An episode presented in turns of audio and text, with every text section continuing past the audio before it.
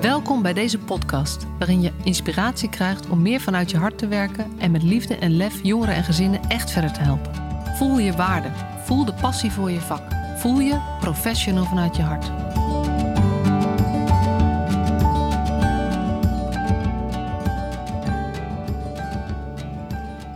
Nou, daar zijn we weer met een nieuwe podcast vandaag, Professional vanuit je hart. En vandaag ga ik in gesprek met Mariska van der Stegen. Welkom. Dank je. Uh, en de allereerste vraag, uh, waar je je al een beetje op voorbereid hebt, vertel je. Ja, klopt. Ik hoorde al dat die kwam. Ja, is, ben jij een professional vanuit je hart? Ja, dat, ik, moest daar, ik, ik hoorde ook dat andere mensen wel wat moeite hadden met die term. Dus ik moest daar ook wel een beetje... Uh, ben ik professional vanuit mijn hart? Ik denk ja. en daarmee bedoel ik dan, um, als je een professional vanuit je hart bent, dan weet je waar je voor gaat en waar je voor staat. Dus daar, uh, nou, dat is voor mij wel een belangrijke in mijn werk om goed um, ja, te doen waar ik mee bezig wil zijn. En in mijn geval is dat het ondersteunen van professionals in jeugdhulp. Het liefst bij de zaken die het al moeilijk zijn. Dus bij kinderen en ouders met veel en complexe problemen.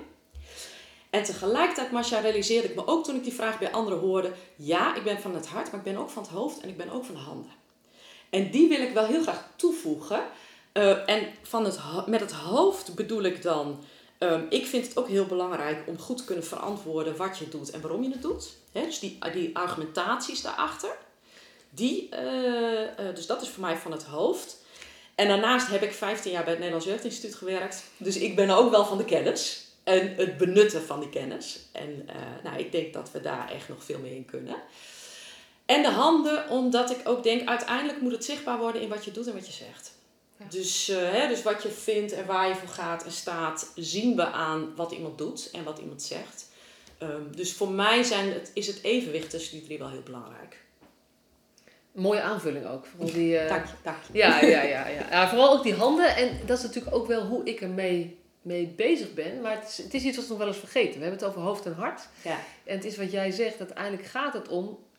Leuk als je iets voelt. Leuk als je iets denkt of weet of uh, toepast. Ja. Maar is het ook zichtbaar in wat je doet ja. in je dagelijks werk? En ervaren uh, mensen met wie, die met jou te maken hebben daarin ook, uh, daar ook iets in? Ja, klopt. Hè. Zien ze dat ook terug. In, ja. en wat ik ook wel steeds meer merk is... Um, hè, als het gaat over het faciliteren en ondersteunen van professionals... De afgelopen jaren hebben we natuurlijk heel erg geïnvesteerd in vaardigheden. Hè? Training, dat is dan het woord wat er altijd bij hoort. Hè? Vaardigheidstraining, competenties van mensen... En ik denk dat dat steeds meer ook verschuift naar, en dat sluit natuurlijk heel goed aan bij de, jouw uh, missie rond professional vanuit je hart. Wie ben jij als mens? Hè? Wie zit daaronder? En welke gevoelens heb je, welke gedachten en hoe beïnvloeden die jouw werk? Dus bijvoorbeeld ook welke overtuigingen heb je over je werk? Hè? En hoe beïnvloeden die vervolgens hoe je handelt en praat naar ouders en kinderen? Ja. Ja, ik heb, ik heb wel het gevoel dat we nog heel erg aan het begin staan. Dat soms ja, mag daar wat ruimte zeker, in komen. Zeker, daar heb je gelijk in. Um, dus ik, vind, ik, ik ben blij dat je zegt, ik zie dat het wat beter Maar ik moet zeggen dat ik het nog wat aarzelend vind. Dat de meeste uh, de meeste vragen die je krijgt, gaan nog wel heel, heel erg over met leerdoelen, competenties ja, en klopt, dingen. Klopt. En dat wordt natuurlijk ook gestuurd door hoe, um, uh, nou ja, hoe de SKJ-punten worden toegekend. Want die gaan over competenties uh, moet je hangen onder, uh, onder competenties en zo? Ja, ik vind SKJ heeft daar wel een slag in gemaakt. Want tegenwoordig is het half-half. Dus de helft van de punten gaan om scholing. De helft van de punten gaan om reflectie. Uh, dus dat vind ik echt een verbetering met wat het was.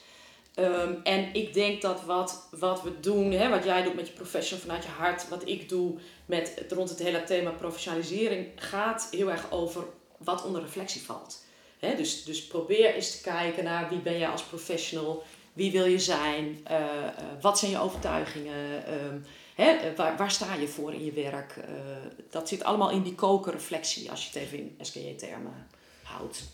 Dat is wel grappig, want dat zet mij aan het denken. Want dan, ja. uh, ik geef trainingen. Ja, klopt. ja, ja, ja, ja, ja. Maar ik, als ik het dan even omdraai en ja. kijk naar ook de opdrachtgevers waar ik mee werk. Ja, um, die vragen ik, ook trainingen waarschijnlijk. Ik denk dat ik, um, dat ik moeilijker ergens een training mag gaan geven als ik het reflectie ga noemen. Ja, klopt. klopt. Ik, dat merk ik ook. Ik zie ook organisaties. Weet je, ik heb drie jaar rondgelopen bij een wijkteamorganisatie die een echt transformatief proberen te zijn. En ook daar, als het erop aankwam, gingen we toch weer een training maken voor mensen. Als er dan weer een grote verandering, of er moest een nieuw, in, ging over Amsterdam, nieuw inkoopbeleid. Nou, dan gingen we toch weer de hele organisatie trainen. Uh, terwijl ik op allerlei fronten probeerde daar in, in het leren het woord trainen te vermijden. Want dat klinkt weer zo als competenties en vaardigheden. Uh, en je wilt zo graag op een ander niveau met professionals aan de slag. Tenminste, ik wil. Ja, en ik doe dat ook. Ja, dus ik doe dat in mijn training. Maar dat doe je onder de koepeltrainingen. En ja. ik, ik verwoord dat altijd een beetje dat voor mij een verschil zit tussen een, een, een trainer-coach-achtig iemand, zeg maar, en een docent. Oh ja, ja, ja, ja, ja. ja, ja. Dus, dus ik zit, ik, zit uh, ik vind mezelf echt geen docent. Ik heb echt niet het gevoel dat ik mensen uh, echt nieuwe dingen leer. Nee, nee. nee, nee. Ik, heb, ik heb meer het gevoel dat ik, dat ik, dat ik ze probeer, uh, nee, dat ik dingen vertel die ze eigenlijk weten. Ja. En probeer te laten zien van, nee, maar, maar die dingen die je weet, doe je dat ook. En hoe kan je daar meer van doen als je daar ook in gelooft? Ja, en, en jij noemt dat eigenlijk, ja, dat is eigenlijk meer reflectie. Ja, en ik, ik probeer wel heel bewust het woord. Want heb jij gemerkt dat als je het geen training noemt, dat het dan moeilijker wordt? Bijvoorbeeld om het, om het aan de man te brengen of om bij organisaties binnen te komen? Nee, want ik heb het nog niet geprobeerd. Maar Oh, ik, ik, ik kan me wel voorstellen, omdat opleidingsbudget. Ja. Maar goed, dat, ik weet het niet. Het zou leuk zijn om eens aan een, eh, aan een manager te vragen. Of aan want- iemand van, ja, van Want ik merk ergens. namelijk zelf wel dat je dan... eh want ik probeer het woord trainingen wel te vermijden. Ik doe meer bij, ik zeg altijd, ik doe heel veel bij groepsbijeenkomsten. Hè, heel veel sessies met professionals en met ook allerlei andere mensen. Ehm, maar het, eh, vaak is, het, eh, is zo'n term wat makkelijker. Snap je? Op het moment dat je uit een groepsbijeenkomst, dan gaat iedereen toch een beetje vragen: wat ga je dan doen? En Ja. wat levert dat dan op? Hè? Weet je, dat soort vragen krijg je dan bij opdrachten. Wat ik ook snap hoor. Ehm, want ze moeten wel voor je inzet betalen. Dus het is even, eh, ik vind het wel interessant. Wat zou er gebeuren als jij het geen training meer zou noemen? Ik, eh, als, als er iemand is die luistert, Ja. die in zo'n positie zit ehm, eh, binnen HR of Ja, binnen juist. een opleidingsafdeling van zo'n organisatie. Mariska en ik zijn allebei eigenlijk benieuwd naar het antwoord op deze vraag. Ja, dus, dus voel je vrij om eens contact op te nemen, want wij, zijn, wij zijn, vinden het heel leuk om te weten. Dus Ja. oproep aan de luisteraars. Ja, heel goed, heel goed. Maar wat ik denk, ehm, want ik haak dan even aan op ehm, intervisie bijvoorbeeld. Ja. Wat ik heel veel hoor binnen organisaties en van medewerkers, eh, is dat ze zeggen: ja, maar eh, intervisie hebben we niet meer. Dat wordt niet gefaciliteerd. Nee. Dus als ik op die lijn doordenk, dan klinkt het alsof het moeilijker is dat er uren vrijgemaakt worden voor reflectie, Ja. want dat, dat is intervisie, Ja. dan dat er uren vrijgemaakt worden voor training. Ja, dat En is, scholing. Want je hebt een scholingsbudget. Ja. En reflectie vind ik scholing. ja, ik ook. Zeker begeleide reflectie. ehm, Ja. eh, waarin je, zeg maar, want dan, dan is het vaak makkelijker om, op, om even van, niet vanuit je team eh, eh, te kijken. Ja. Maar dat, dat valt toch onder een ander budget volgens mij. Ja, dat, dat, is, dat zou kunnen hoor. Dat scholingsbudget, want zo heet het ook in heel veel organisaties. Hè, dus dat impliceert al dat je het inzet voor scholing. Het is wel heel wisselend, vind ik hoor. Ik zie ook wel organisaties waar intervisie heel erg gefaciliteerd wordt. Eh, ik doe ook wel eens begeleide intervisie met groepen. Nou, dan, dan word ik dus gewoon betaald om dat te doen. Hè. Ehm, dus het hangt er ook een beetje van af. Eh, maar klopt. eh, ik, zie, ik, bedoel, ik zie natuurlijk ook organisaties waarin het, het is überhaupt met de huidige werkdruk, hè, waar iedereen het over heeft, is het moeilijk om tijd vrij te maken voor de reflectie. Ik zeg ook heel vaak, is een andere dynamiek. Hè? Wij, wij zijn voortdurend gericht op vooruit, op doen, op handelen. En als wij intervisie of reflectiebijeenkomsten doen, dan vraag je juist van mensen om te vertragen. Hè? En om even stil te staan. En dat is een andere energie. Dus dat, die is dan heel moeilijk in te bouwen in al het werk wat je al moet doen. Hè? De druk die je dan al voelt. Dus dat, Ja. dat herken ik wel. Dat zie ik ook wel vaak bij organisaties. Ja, en dan haal ik hem even terug naar waar jij eigenlijk mee begon. Hè? Het is niet alleen hart, Ja. Maar ook hoofd en handen. Ja. Eh, en ik, ik denk dat is precies die vertraging Ja. is ehm, eh, waar ik ook volgens, volgens mij als we daar niet meer ruimte voor maken en die moet je maken, dus daarom staat lef in mijn ondertitel, Ja. ehm, dan ga je als professional of weg, Ja. of je, je, je, je, je, je vlakt af, Ja, of je brandt op. ja Eh, en bovendien zijn uiteindelijk, eh, weet je, je, vindt, je, je gaat je werk minder leuk vinden. Dus, dus ehm, we moeten niet wachten totdat het gefaciliteerd is. Nee. Maar dit is iets wat je als professional op de een of andere manier, waar je ook voor moet kiezen. klopt. En Ook ook, al- kunt kiezen. En kunt kiezen. Ja, precies. zeker, Dus, eh, zeker. Dat is wel interessant. Maar goed, dit is een aardig reflectief gebeuren. Ver over de hoofden van de professionals, wat we eigenlijk allebei ooit geweest zijn, maar niet meer zijn. Nee, klopt. Want de jits bestaan Al niet meer. lang niet meer, nee. Dus echt mooi vanaf de zijlijn geroepen. Ehm, maar wel een gezamenlijk stukje waarbij wij denken, van, ja, maar als we kijken naar de jeugdzorg, we draaien allebei al, al eh, heel wat jaren mee, ja, 25 zo ongeveer. Ja, klopt, klopt. Meer dan 20. Ja. En ehm, eh, al, we, we, hadden het er net ook al over. ehm, als wij kijken naar van waar, waar gaat het in het veld nou over? Eh, wij zijn niet zo van laten we het stelsel wijzigen. Allebei niet. We kijken veel meer naar wat is er aan de hand en wat zou nu helpen. Komen we eigenlijk allebei op dit thema uit. Ja. Laten we professionals helpen om Ja. meer tijd te maken, te kijken waar ze zitten met hun hoofd, maar ook met hun hart. Ja. En hoe dat doorwerkt in hoe ze hun werk doen. Ja. In dat handenstukje. Klopt. Dus, eh, klopt. ja, daar, daar klopt. Daar, daar vinden we elkaar. En in hoe je, en ik vind het dus een interessant vraagstuk. Of tenminste, dat is het vraagstuk waar ik nu heel veel mee bezig ben. Hoe faciliteer je professionals daar op een goede manier bij? Ja. Hoe kan ik ze helpen om dit te doen? Hè? Dat vertragen, dat stilstaan, dat reflecteren. En eh, bezig te zijn met hoe word je beter in je vak. Hè? Een belangrijk kenmerk van een professional is toch dat we elke keer proberen beter te worden in wat we doen. Dat probeer ik als adviseur, hè, orthopedagoog adviseur in ieder geval wel. Ehm, en dat vraagt dus dat je af en toe stilstaat en eh, met collega's of met je leidinggevende of, met, of alleen eh, nadenkt over waar sta ik voor, waar ga ik voor, wat zijn waarden die ik belangrijk vind in het werk. En eh, ja, hoe ziet dat er in mijn handelen uit? En hoe kan ik dat elke keer een beetje beter doen? En ik hoor je eigenlijk een, een antwoord geven op twee lagen. Dat zou heel goed kunnen, Marcia. Ik ben blij dat jij die eruit haalt. Precies. het ene is dat je tegen professionals zegt: maak ruimte om stil te staan. Maar je begon je zin met hoe we professionals faciliteren. Ja, Eh, want eh, ik heb nog niet gevraagd wat je achtergrond is. Ja, Nou, je achtergrond is heel ja. breed, maar Ja. onder andere is dat ook organisatieadvies. Jij hebt je, we zijn allebei orthopedagoog. Klopt. eh, en jij hebt ervoor gekozen op een gegeven moment meer die organisatieadvieskant erbij te gaan betrekken. Om de, eh, om de diepte in je werk te vergroten. Kan je, kan je iets vertellen over wat dat je heeft gebracht? Zeker, zeker. Dan, en dan vertel ik eerst waarom ik dat deed. Eh, want dat weet ik namelijk nog heel goed. Ik heb, nou ja, dat, dat zei ik net in het voorgesprek al even. Ik heb lang bij het Nederlands Jeugdinstituut gewerkt, hè, bijna 15 jaar. En ook bij de voorloper.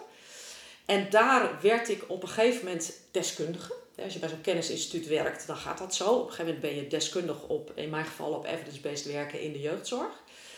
En ik merkte dat ik deed veel met gedragswetenschappers, hè, met onze collega's, eh, over hoe maak je je aanbod effectiever, hoe ben je veel scherper in waar je wel en niet van bent, wat je precies doet. Ehm, en ik merkte, het is allemaal leuk en aardig dat je ergens veel van weet, maar dat betekent nog niet dat, dat organisaties of mensen in organisaties zomaar iets anders gaan doen, hè, als jij het zegt. Even heel plat. En ik dus toen dacht ik, dat was voor mij echt een aanleiding om, eh, ik dacht, ik moet meer snappen van organisaties en ik moet meer snappen van hoe mensen zich gedragen, maar ook veranderen in organisaties. En toen heb ik, eh, ben ik een opleiding eh, tot organisatieadviseur gaan doen. Dat was tien jaar geleden. En vervolgens heeft het nog heel lang geduurd hoor, voordat ik mezelf organisatieadviseur durfde te noemen. Want dan moet je ook een beetje ingroeien in zo'n rol. Kijk, orthopedagoog was ik al. Ehm, en wat me dat gebracht heeft, Masha, is één, een heel groot stuk persoonlijke ontwikkeling. Want eh, adviseurs, in het adviseursopleidingen gaat het ook heel erg over wie ben jij als adviseur. Hè? Want ook als adviseur, net als hulpverlener, neem je jezelf mee. Dus wat neem jij dan vanuit je persoonlijkheid mee?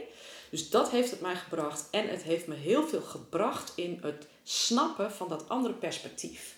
Dus het snappen van, oké, wat is het perspectief van managers en bestuurders? Ehm, het snappen van perspectieven van gemeentes bijvoorbeeld. En soms vind ik dat nog heel moeilijk. Dan hoor ik een gemeenteambtenaar iets zeggen en dan denk ik... My heaven, hoe, hoe kun je dit vinden? Hè? Zo, maar dat je verplaatsen in die andere perspectieven heeft me dat heel erg opgeleverd. Het heeft me heel veel gebracht in het denken over hoe veranderen mensen eigenlijk. En dat vond ik heel grappig, want dat is ook het hart van de orthopedagogiek. Hè? Het hart van de orthopedagogiek gaat over hoe kinderen en ouders veranderen en op elkaar inwerken. Nou, dat is ook zo met mensen in organisaties. Dus hoe werkt een omgeving waar je werkt in op hoe jij je als professional gedraagt? Nou, dat gaat echt twee kanten op. Hè? Dus het, het, in die zin heeft het, me veel, eh, heeft het me veel gebracht in persoonlijk. Van ja, wie ben ik en wat ben ik voor adviseur. Maar zeker ook in het denken vanuit die verschillende perspectieven. En dat helpt in mijn werk. Hè? Dus ik, ik ben beter gaan begrijpen wat managers zijn, uh, wat managers voor functie hebben in organisaties. En ook meer visie gaan ontwikkelen op wat is goed management in mijn ogen. Hè? Wat, wat is management wat ook past bij transformatie en wat we willen in de nieuwe jeugdzorg. En dan heb je het over coachend, faciliterend, ondersteunend, hè, in plaats van hiërarchisch en instruerend. Nou, dat zijn, dat, dat, dus dat heeft me, en het heeft me een heel ander soort werk opgeleverd, ook in mijn opdrachten. Veel minder inhoudelijk, veel meer veranderingsachtige processen. Dus dat, uh, ja, ik, ik zit even te luisteren en... Um... Ben ik te hoog over, Masha? ik zie je een beetje moeilijk kijken, dus misschien ligt dat aan mij hoor. Dat kan nee, nee, nee, Nou ja, ik vind dit sowieso heel leuk, maar ik verplaats me ook even ja, zeker. in jouw luisteren. Ja, dat snap ik heel goed, ja. ja. um, wat ik heel, heel mooi vind eigenlijk, is de boodschap die ik veel aan professionals geef, is precies dezelfde als die jij nu geeft. Eigenlijk het verhaal wat jij nu vertelt, wat die, die, opdracht jou of die opleiding jou gebracht heeft. Omdat een van de dingen die we als professionals volgens mij, uh, wat ons kan helpen, is ons meer verplaatsen echt in de positie van, van de verschillende mensen met wie je te maken hebt. Ja. Dus verplaatsen in, de kind, in het kind, en verplaatsen in de ouder, en verplaatsen in de gezinsvoogd als je, uh, als je op een groep werkt, en verplaatsen in de groepsleider ja. uh, als je gezinsvoogd bent. Ja. En steeds vanuit die wisselende perspectieven geeft heel veel begrip voor hoe dingen gaan. Ja. En dus ook voor uh, je handelen. Hè? Het beïnvloedt je handelen. Het beïnvloedt je handelen. Maar het begint voor mijn gevoel bij even je eigen mening, visie, oordeel. Zeker. Um, hoe het zou moeten zijn. Wat je iedereen gunt. Uitschakelen. Opzij zetten. Klinkt misschien beter. Even opzij zetten. Zodat je echt even vanuit het perspectief van de ander naar de situatie kunt kijken. Ja, dat is mooi. En wat je ook zegt. Ik, dat wat je een ander gunt. Hè? Ik zie professionals kinderen heel veel gunnen. En dat is ook heel mooi. Hè? Dus zeker bijvoorbeeld binnen de jeugdbescherming uh, gunnen we heel veel kinderen een veel beter gezin, uh, nou ja, fijner, warmer gezin bijvoorbeeld. Hè?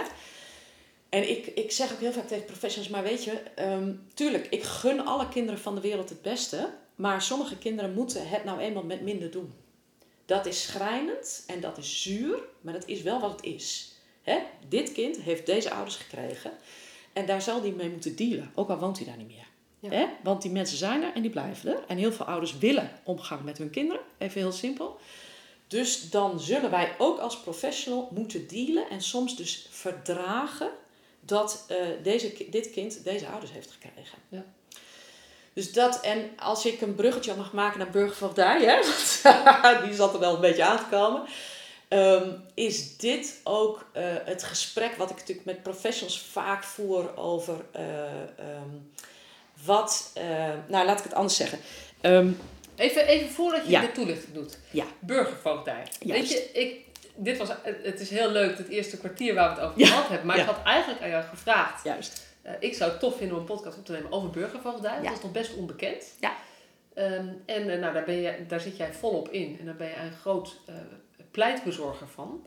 Dus zou je kunnen uitleggen wat het is? Ja, dat is, dat is een hele goede. Laten we daar maar eens mee beginnen. Um, een burgervoogd is iemand die de voogdij, dus laten we heel duidelijk zijn, het gaat over kinderen over wie de ouders geen gezag meer hebben, die de voogdij heeft over een kind wat niet, meer, wat niet bij hem of haar woont.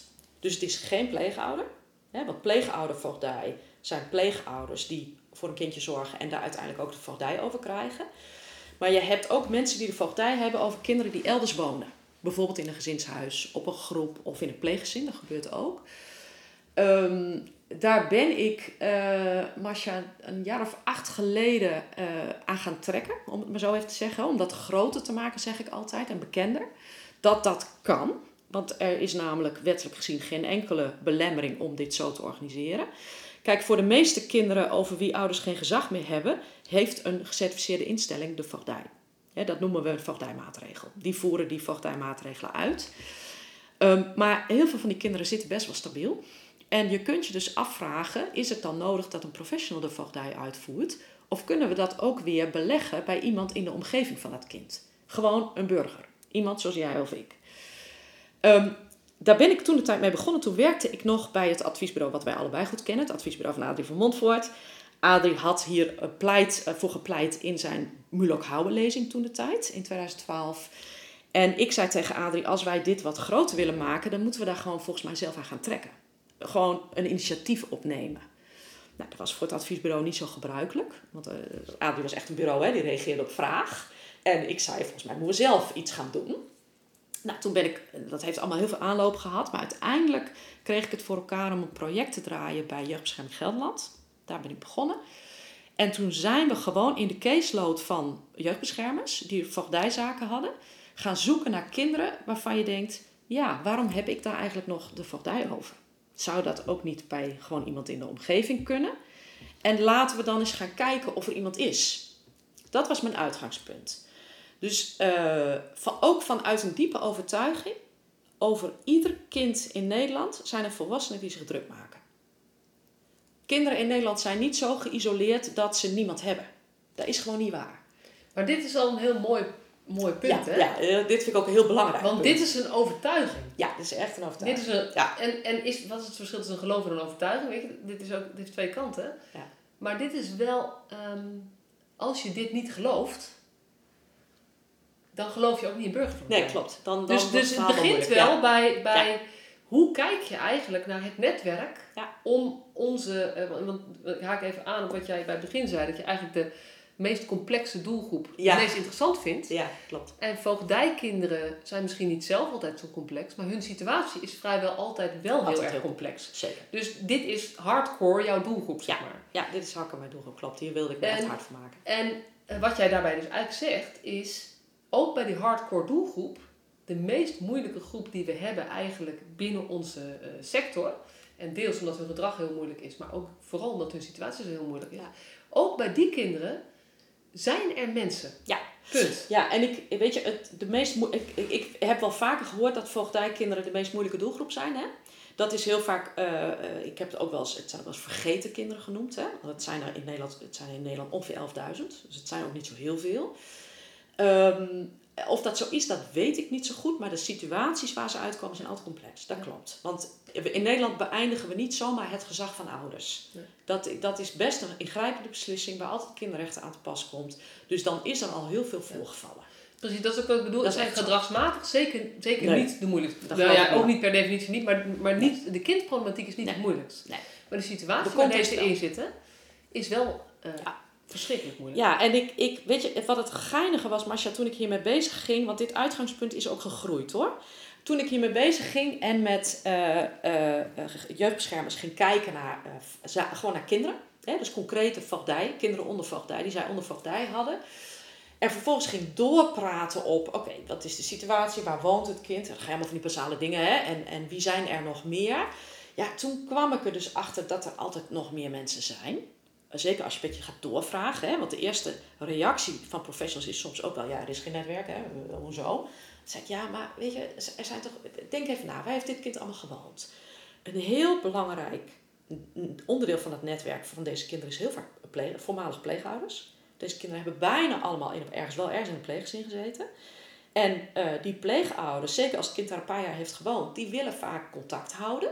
En vaak eh, hebben ze er ook nog contact mee. En is dat ook andersom, hè? wil het kind ook graag contact met hen houden. Ehm, dus er bleken allerlei mensen te zijn.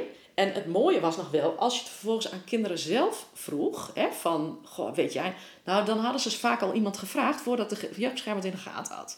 Dus op een gegeven moment had ik een jeugdbeschermer telefoon. Ja, ja, ja, ja, dat meisje heeft nu zelf iemand gevraagd. Nou, ik zat te juichen aan de telefoon. Ik dacht, fantastisch, dit is wat ik zoek. Ik zei, hartstikke leuk, gaan we mee praten. Weet je, we weten niet of dat echt een optie is, de voogdij voor deze persoon. Want het is ook een, nogal wat hè, waar je aan committeert. Maar laten we het op zijn minst verkennen. En het mooie is ook, en dat kennen we natuurlijk ook vanuit de JIM heel goed, eh, jouw informele mentor, hè, daar heb je eerder ook met Suzanne de Ruig over gesproken. Als jongeren mensen gaan vragen, dan gebeurt er iets. Dan ga je op zijn minst nadenken hè, en het echt overwegen. En dat wil nog niet zeggen dat het dan altijd door een gezagsoverdracht komt, ook heel vaak niet. Maar die vraag, de overweging, doet ook weer iets in het contact van wat die jongere op dat moment met die persoon heeft. Ja, het versterkt, het Ja, versterkt de het relatie. Het versterkt de Ja. relatie en dus, ehm, dus dat had allemaal eh, eh, neveneffecten. Ehm, maar die, die pilot bij Jeugdbescherming Gelderland heeft me ook heel erg eh, geleerd van... Dus niet zozeer dat het allemaal tot gezagsoverdrachten leidde, maar wel, oké, we kunnen dit voor veel meer voogdijkinderen verkennen. En het tweede, dit is een goed idee. Dat is even heel plat, maar soms merk je, dit is een idee, hier ga ik verder aan trekken. En wat ik merk gewoon dat in, op hoofdlijnen vinden mensen dit een goed idee. Gemeentes, wethouders vinden dit fantastisch. De bestuurders van de gecertificeerde instellingen inmiddels ook. Het heeft wel wat praten gekost, maar daar ben ik inmiddels ook een keer geweest. En ook die zeggen, het geldt misschien niet voor alle voogdijkinderen, maar dat beweer ik ook helemaal niet. Maar voor een deel van de kinderen is dit absoluut verkennen waard. En dan ben ik even benieuwd, want je zegt misschien niet alle, misschien wel een deel. Ja. Maar, zeg, maar, maar met de ervaring die er tot nu toe is, hè, voor zover je dat bekend hebt, Ja. gaat het dan over 10% van de, van de voogdijkinderen Ja. of gaat het over 50%? Nou, sowieso is het goed om uit elkaar te houden dat van die 11.000 voogdijkinderen twee derde in een pleeggezin woont. Dus dat zijn cijfers die we gewoon weten. En een derde dus op een groep of eh, in een gezinshuis. Voor die twee derde kinderen in een pleeggezin kunnen we ook nog veel meer doen aan pleeghoudervoogdij hoor. Dat is, dat is nu is 8% geloof ik, dus dat is echt nog heel weinig. En even voor de, de luisteraar, ehm, er gaan nogal wat cijfers langs, dus Ja. ik snap dat je ook Ja, even in verwarring raakt. Ja. Eh, het is ook even goed om nog een keer te benadrukken, dit gaat dus niet over kinderen waar de ouders nog het gezag Nee, heeft die gaat- bij een pleeggezin wonen. Dus het gaat niet ook over dat pleegouders het gezag overnemen van ouders. Nee, kan niet. Dit gaat eventueel, als het mogelijk is, over het overnemen van het gezag van een jeugdbeschermer, van, een gezin, van, een, van een instelling. Ja, over het algemeen wel. Heel soms gaat het wel eens rechtstreeks, eh, maar in de meeste gevallen gaat dit, en dit gaat dus inderdaad niet over ondertoezichtstellingen. Even voor de helderheid. Het gaat alleen maar over voogdijkinderen. Ehm dus van die een derde, dan hou je ongeveer zo'n 3, 3.500 kinderen over op, op landelijk. Over die groep heb ik het. Eh, en daarvan is een deel zo instabiel. Ja, dat klinkt heel oneerbiedig hè, om over kinderen zo te praten. Maar, maar eh, ja, die wonen gewoon niet op een stabiele plek. En daar is voorlopig ook geen zicht op. Die wonen bijvoorbeeld in de gesloten jeugdzorg of op een groep waarvan we weten dat ze er weg moeten. En dat betekent dat er ook veel dingen in Geregeld. jeugdzorgland geregeld Juist. moeten worden. Ja. En dan is het gewoon ontzettend handig, juist Als een instelling of blijft. een professional. eh, eh, ja. En ook die zou ik weer niet helemaal zwart-wit willen maken. Want ik heb ook een burgervoogd die de, volledig de voogdij heeft. En die, dit kind al twee keer, die haar, voogdij, haar kind al twee keer verplaatst heeft. Doet ze allemaal zelf. Ik heb haar twee keer gebeld. Want haar, haar, het was een jongen van 15. Die zat namelijk bij de instelling die dichtgaat. We weten allemaal welke dat is. Dus ik, ik belde haar. Ik zeg, kan ik iets voor je doen? Nee, ik heb het allemaal al geregeld. Want we hebben al een gezinshuis op het oog. En dit. Ik dacht, ja kijk. Sommige mensen. En het komt niet uit de sector. Eh, dus ook dat is niet helemaal zwart-wit. Maar als een kind ergens langere, voor langere tijd blijft wonen, is wel makkelijker. Laat ik het zo even zeggen. Ja, anders moet je als burgervoogd Dat dat heel goed zijn in het snappen van de sector in elkaar. Juist, En dat, juist. Nou ja, dat weet iedereen die hier Dat naar is luistert best moeilijk. ook, dat dat ingewikkeld is. Ja. Er zijn best mensen die dat willen en zich daarin willen verdiepen. Maar het merendeel heeft ook zoiets. Het zal allemaal Ja. wel. En dat begrijp ik ook. Ehm, dus, dus, nou ja, even, hè, dus dat is de groep kinderen waar het over gaat. Ehm, en eh, eh, weet je, als je het hebt over wat. eh, dus, dus we zijn heel erg bezig om dat idee van die burgervat groter te maken. Hè, van dat dit kan. En dat meer mensen daarvan weten. Zeker natuurlijk binnen de gecertificeerde instellingen. Ehm, en wat het dan soms lastig maakt, Masha, en dat haakt een beetje aan op het eerste deel van ons gesprek, is ehm, dan moet ik soms wat beuken, als ik het heel onerbiedig zeg, eh, tegen overtuigingen van professionals. Want dan kom ik dus op overtuigingen als, ja, maar er is geen netwerk. En kan iemand die geen professional is, doen wat ik doe als professional? En dat snap ik ook nog wel, hè? Want we hebben natuurlijk jarenlang ervoor gekozen om die voogdij te laten uitvoeren door professionals. En ik zeg nu eigenlijk, maar voor een deel zouden gewone mensen dat ook kunnen. En ik vergelijk het heel vaak met, eh, jij hebt kinderen. eh, je- alle ou- ouders, eh, de meeste eh, eh, gezag en de meeste voogdij wordt uitgevoerd in Nederland door leken. Namelijk gewoon door ouders, hè? door jij en ik. Ehm, en dat is niet helemaal vergelijkbaar, want je krijgt een context bij van dat kind die het soms ingewikkeld maakt. Hè? Ouders die, die niet makkelijk in de omgang zijn of heel graag hun kind eigenlijk terug willen. Ehm, maar het, het, het hele denken over dat we ook dit stukje wat meer zouden kunnen beleggen bij burgers, ja, dat is het gesprek wat ik heel veel voer. Ehm, en waarbij ik dus soms dit soort eh, ja, lastige gedachten of, of eh, niet helpende gedachten tegenkom. Ja, en, en waar, wat, wat mij meteen enthousiast maakt, eh, ik zit veel minder in dit thema, Ja. maar wat mij meteen enthousiast maakt is de grote beperking van voogdij door een instelling is dat je een hele toffe, betrokken, goed werkende gezinsvoogd kan hebben Juist. tot je 18e verjaardag en dan, En is het op. klaar. Ja, En Ehm, nou, met allerlei kunst en vliegwerk binnen sommige gemeentes kan dat nog een beetje verlengd worden. Maar dit is natuurlijk dezelfde gedachte als die onder Jim zit. Ja. Een burgervoogd is iemand die, Die als die deze keuze maakt, ook langer betrokken blijft. Ja. En deel uitmaakt van het leven van dit kind. Ja. In plaats van dat hij het gezag eh, uitvoert. Klopt. Dat, en dat is, weet je... En ik kom natuurlijk ook voogden tegen die al jarenlang de voogdij over een kind hebben. Hè? Gelukkig, die bestaan ook nog. Die zich meer dan professioneel betrokken voelen bij een kind. Eh, dat is schaars goed geworden, maar het is er nog wel. Maar het grootste deel, en dat is ook de grootste klacht van voogdijkinderen, überhaupt van eh, jeugdbeschermers, is dat een gemiddeld voogdijkind met een stuk van 6 tot 8 voogden te maken krijgt.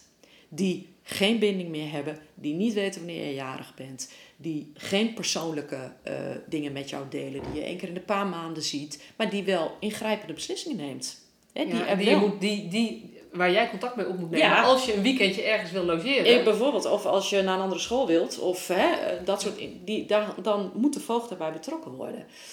En dat is ook een van de argumenten die ik heel vaak gebruik. ehm, dat ik zeg, ja, daarom is dit voor een aantal kinderen een heel goed alternatief. Want dan heb je iemand die veel duurzamer is en blijft. En het is een gegeven dat mensen geen 20 jaar meer bij een gecertificeerde instelling werken.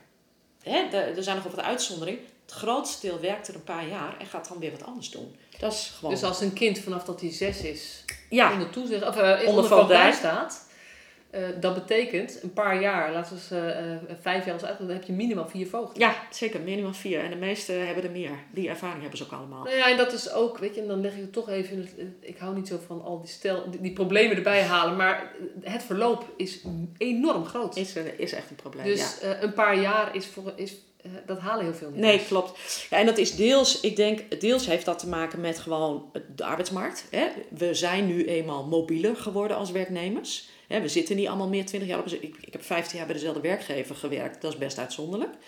En tegelijkertijd eh, is onze sector niet aantrekkelijk om te werken. En dat maakt het nog erger. Hè? Dus dat maakt die doorloop, eh, of dat Ja. verloop nog groter.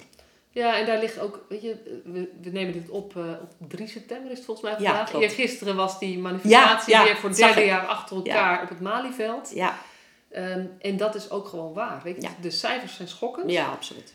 Ehm, en daar, daar maak, ben ik ook verdrietig over, maak ik me boos over. Eh, maar alleen dat roepen verandert niks voor de kinderen over wie het gaat. En waar, je, waar jij het nu over hebt, waar ik ook op, op in probeer te steken, is eigenlijk, weet je, dit is wat het is. Ja, ik zou willen dat het anders was. Nee. Maar laten we dan binnen de omstandigheden die er nu zijn, kijken hoe we de situatie voor kinderen kunnen verbeteren. Zeker. En voor ouders. Ja. Want ook de ouders van deze kinderen, die dan misschien geen gezag meer hebben, maar vrijwel in heel veel situaties wel nog contact. betrokken- Ja, nog contact, zeker. Ehm, voor hen geldt ook dat zij dus iedere paar jaar met een nieuwe professional te dealen krijgt. En de een gaat, die, die heeft een beetje deze insteek en de ander. En deze ouders hebben beperkte mogelijkheden. Want anders zouden ze zelf het gezag wel gehouden Zo hebben. Ja. Ehm, dus ook voor die ouders geldt dat zij toch zoveel wisselingen hebben. En als we de situatie voor deze beperkte groep, maar wel een, een groep, nou ja, vergeten groep vind ik wel heel mooi Ja. gezegd. Ja. Eh, als, we, als we daar de situatie willen verbeteren, dan is burgervoogdij, geeft ontzettend veel kansen. Ja, zeker. Het is echt een, een, nog een, zou een, goede, in een aantal gevallen een goede optie kunnen zijn. En het is, weet je, ik vind het wel mooi dat je het zegt over die wisselingen en daarmee dealen. Want het, het is een gegeven, daar ben ik helemaal met je eens. En tegelijkertijd denk ik dat wij het als professionals veel onderschatten wat dat doet met ouders en kinderen. Het feit hè, dat je elke keer een nieuw iemand, om de paar jaar een nieuw iemand voor je krijgt. Waar je, weet je, waar je dus opnieuw een relatie mee opbouwt. Want je neemt het vorige niet mee die soms inderdaad nieuw beleid maakt hè, en nieuwe beslissingen, eh, eh, oude beslissingen terugdraait, nieuw beleid, hè, nieuwe richting inzet.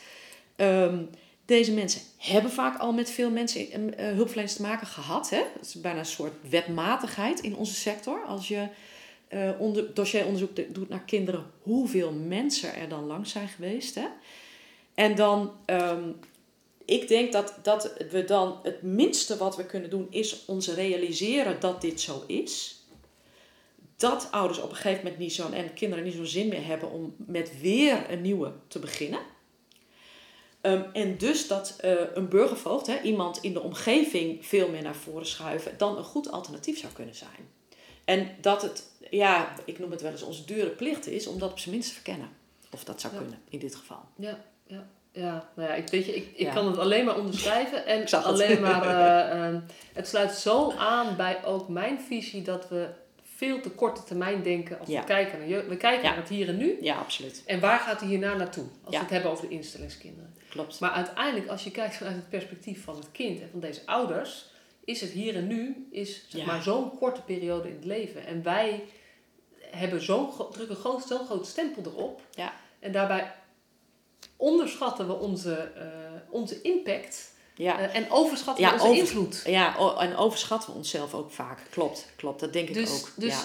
Mijn, mijn eh, eh, ik denk vaak een levenslijn met eh, van joh, we, richten ons eigenlijk op dat stukje jeugdzorg. Ja. Maar volgens mij is onze opdracht om, vooruit, om vanuit de toekomst te kijken. Dus Zeker hoe zorgen weten. wij ervoor dat Ja. dit kind een beter leven heeft dan wanneer wij niet betrokken ja, zouden zijn? ja, absoluut. En zeker Absoluut. als het gaat over deze voogdijkinderen. Ja, ja. En daarbij is het opbouwen van duurzame relaties en mensen die bij je horen, ehm, is volgens mij van wezenlijk belang. En daar gaan we gewoon te veel aan voorbij. Ja, daar gaan we absoluut veel voorbij. En ook aan het...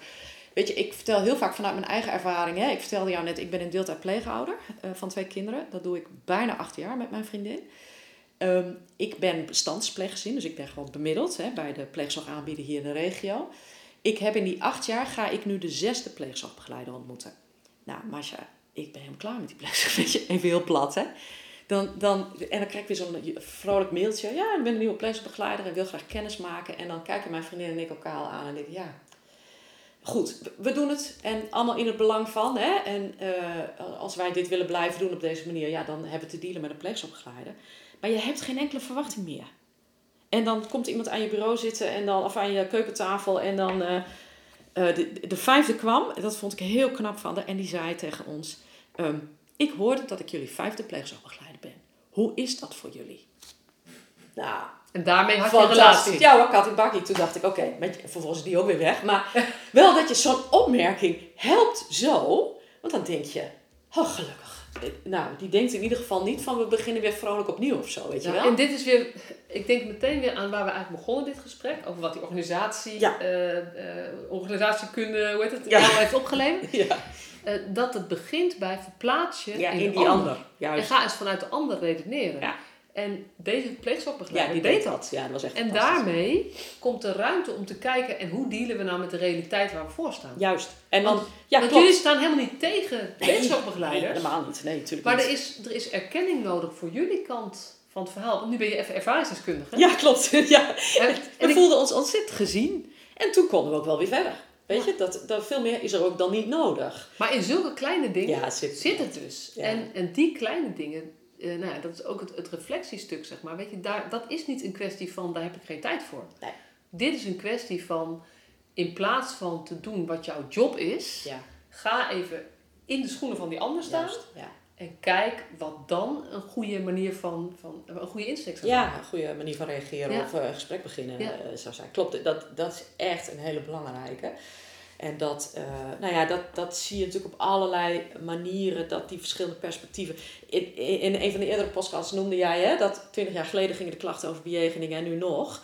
En dan denk je, ja, en dat heeft niks met stelsel te maken. Het heeft niks te maken met de organisatie waar je werkt. Dat gaat gewoon over ons gedrag. Ja. Hè? En wat wij doen eh, richting die cliënt, ja, daar hebben we invloed op. Nou, en, en ik zei dat net al tegen Ja. jou. Hè? Ik heb nu zo'n hele mooie missie. Dat eh Ja, eh, eh, jeugdzorg, lief, jeugdzorg liefdevoller maken. en gelijkwaardig heb ik toegevoegd aan het gesprek met Oh, oh. Liefdevoller en gelijkwaardig maken door professionals te helpen meer vanuit hun hart te werken. ja, Maar eigenlijk, misschien is het nog wel veel platter. Ik hoop bij te dragen dat er minder klachten komen over bejegening, het beslissingsproces en informatievoorziening. ja, ja.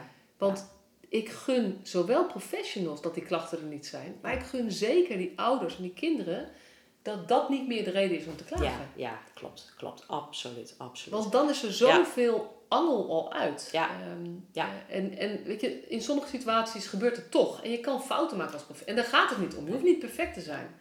Maar ik vind het wel echt schrikbarend. En ik schaam me daar, een soort van plaatsvervangende schaamte.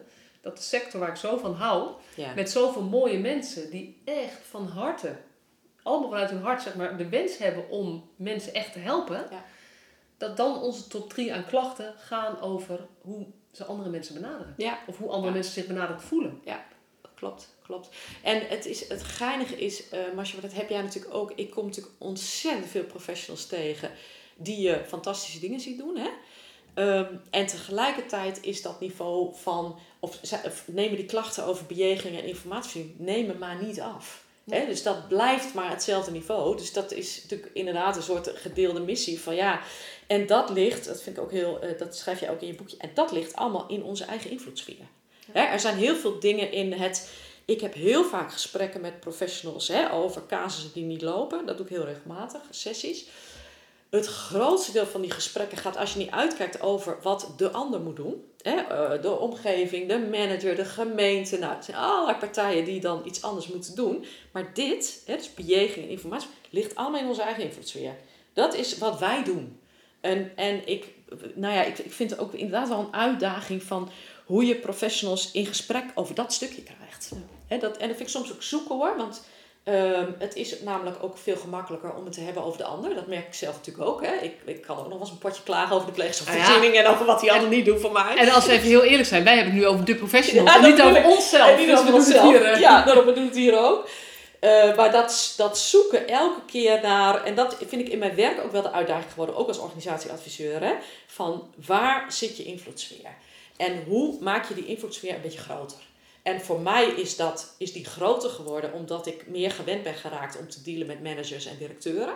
He, want die, ja, die drukken soms toch nog wel een hele grote stempel op organisaties en dus op hoe professionals hun werk kunnen doen.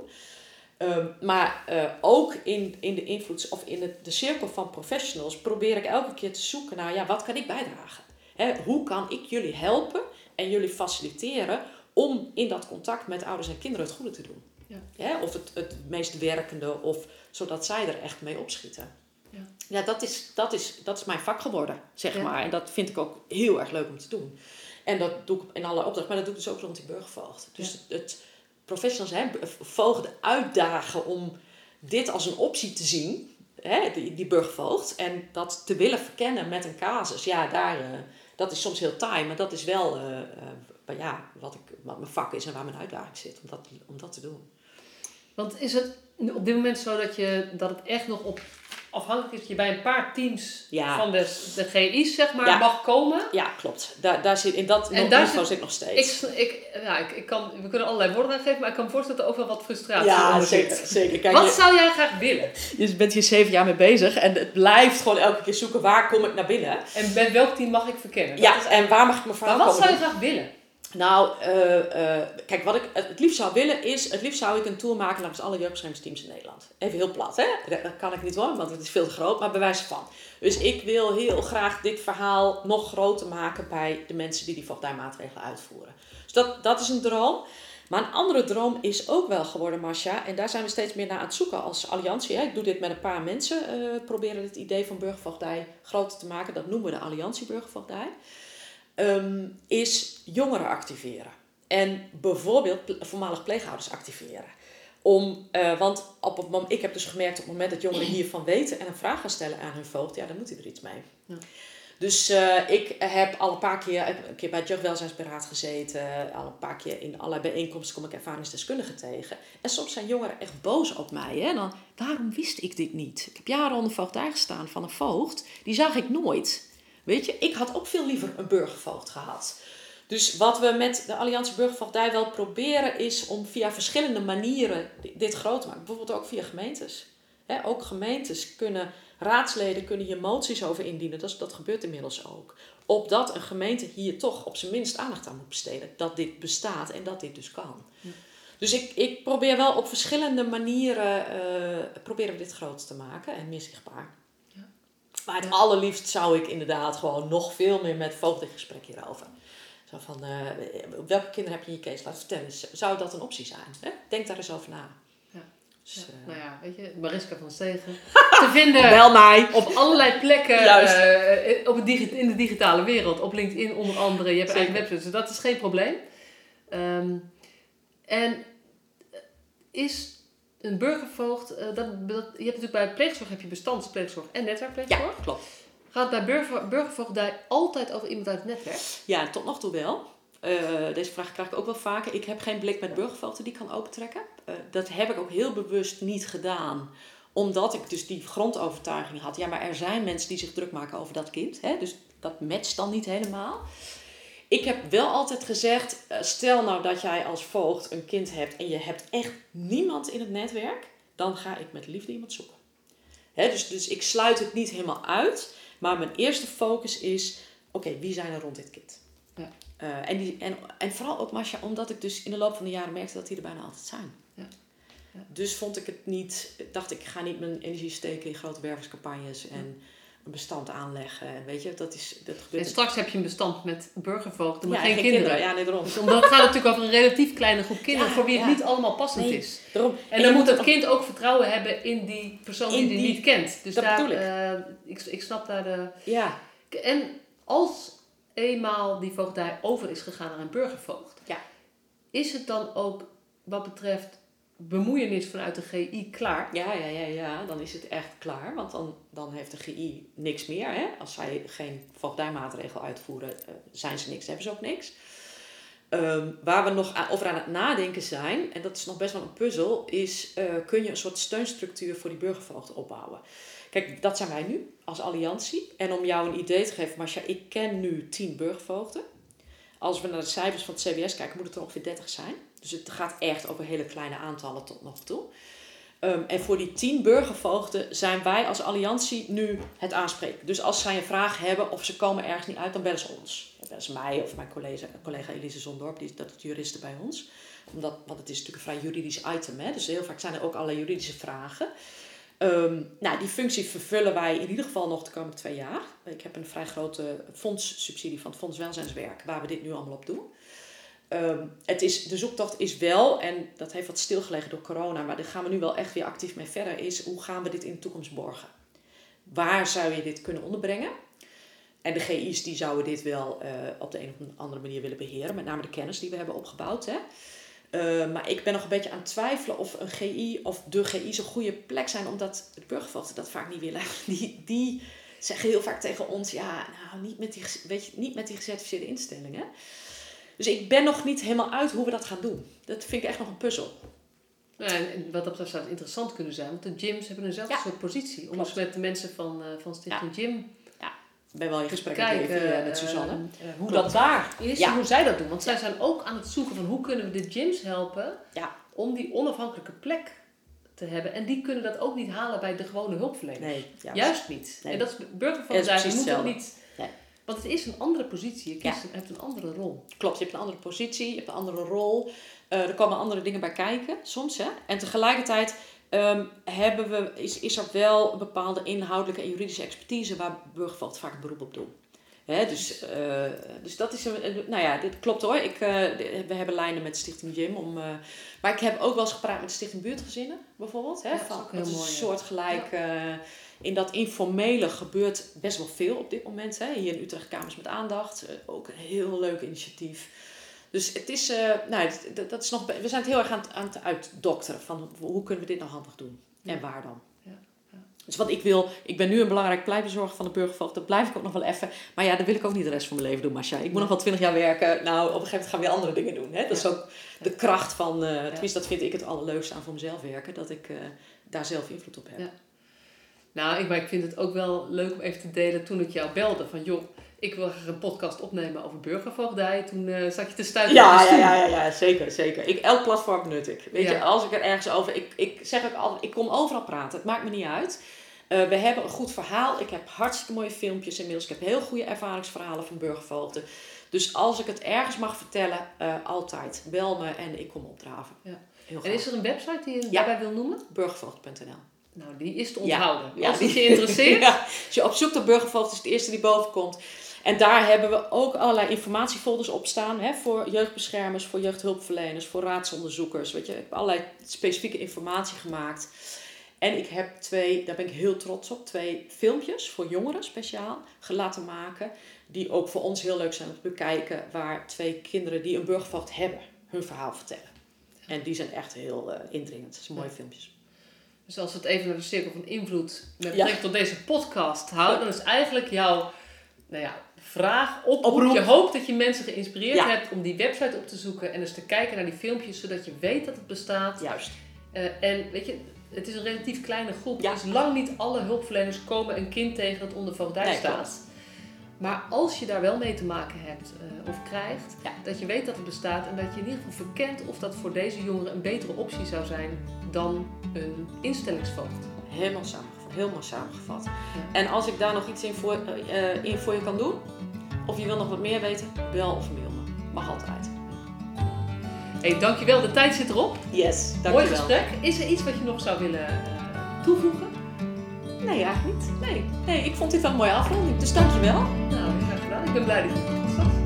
Is goed. Superleuk dat je weer luisterde naar deze podcast. Dankjewel. Nog even kort een paar belangrijke dingen. Ten eerste, het is mijn missie dat de jeugdhulp weer een sector wordt waarin bevlogen, liefdevolle professionals jongeren en gezinnen echt verder helpen. Daarom maak ik deze podcast voor jou. Wil jij deel uitmaken van deze beweging van Professional vanuit je hart, waarin professionals elkaar steeds opnieuw inspireren? Begin dan met het lezen van mijn boek. Je kunt de eerste hoofdstukken helemaal gratis lezen. Ga naar professionalvanuitjehart.nl slash boek. Ten tweede, wil je alle podcastafleveringen overzichtelijk onder elkaar? Abonneer je dan op deze podcast. Klik in je podcast-app op de button subscribe of abonneren. En elke keer als er een nieuwe podcastaflevering gepubliceerd wordt, ontvang je automatisch een berichtje. Ten derde, ondersteun je mijn missie? Geef me dan een review via je podcast-app, bijvoorbeeld iTunes of Spotify. Op die manier kan ik nog meer professionals bereiken. En ken je een collega voor wie deze podcast ook interessant is? Dan zou het super zijn als je hem of haar de podcastaflevering doorstuurt. Bijvoorbeeld door de link te kopiëren via Spotify. Ik vind het altijd heel leuk om berichtjes te ontvangen van luisteraars om te horen wat je van een podcast vindt, of als je misschien vragen of suggesties hebt. Of als een aflevering je een bepaald inzicht heeft gegeven of er iets in beweging is gekomen. Stuur me dan even een berichtje op masha.professionalvanuitjehart.nl via de website of stuur me een connectieverzoek op LinkedIn.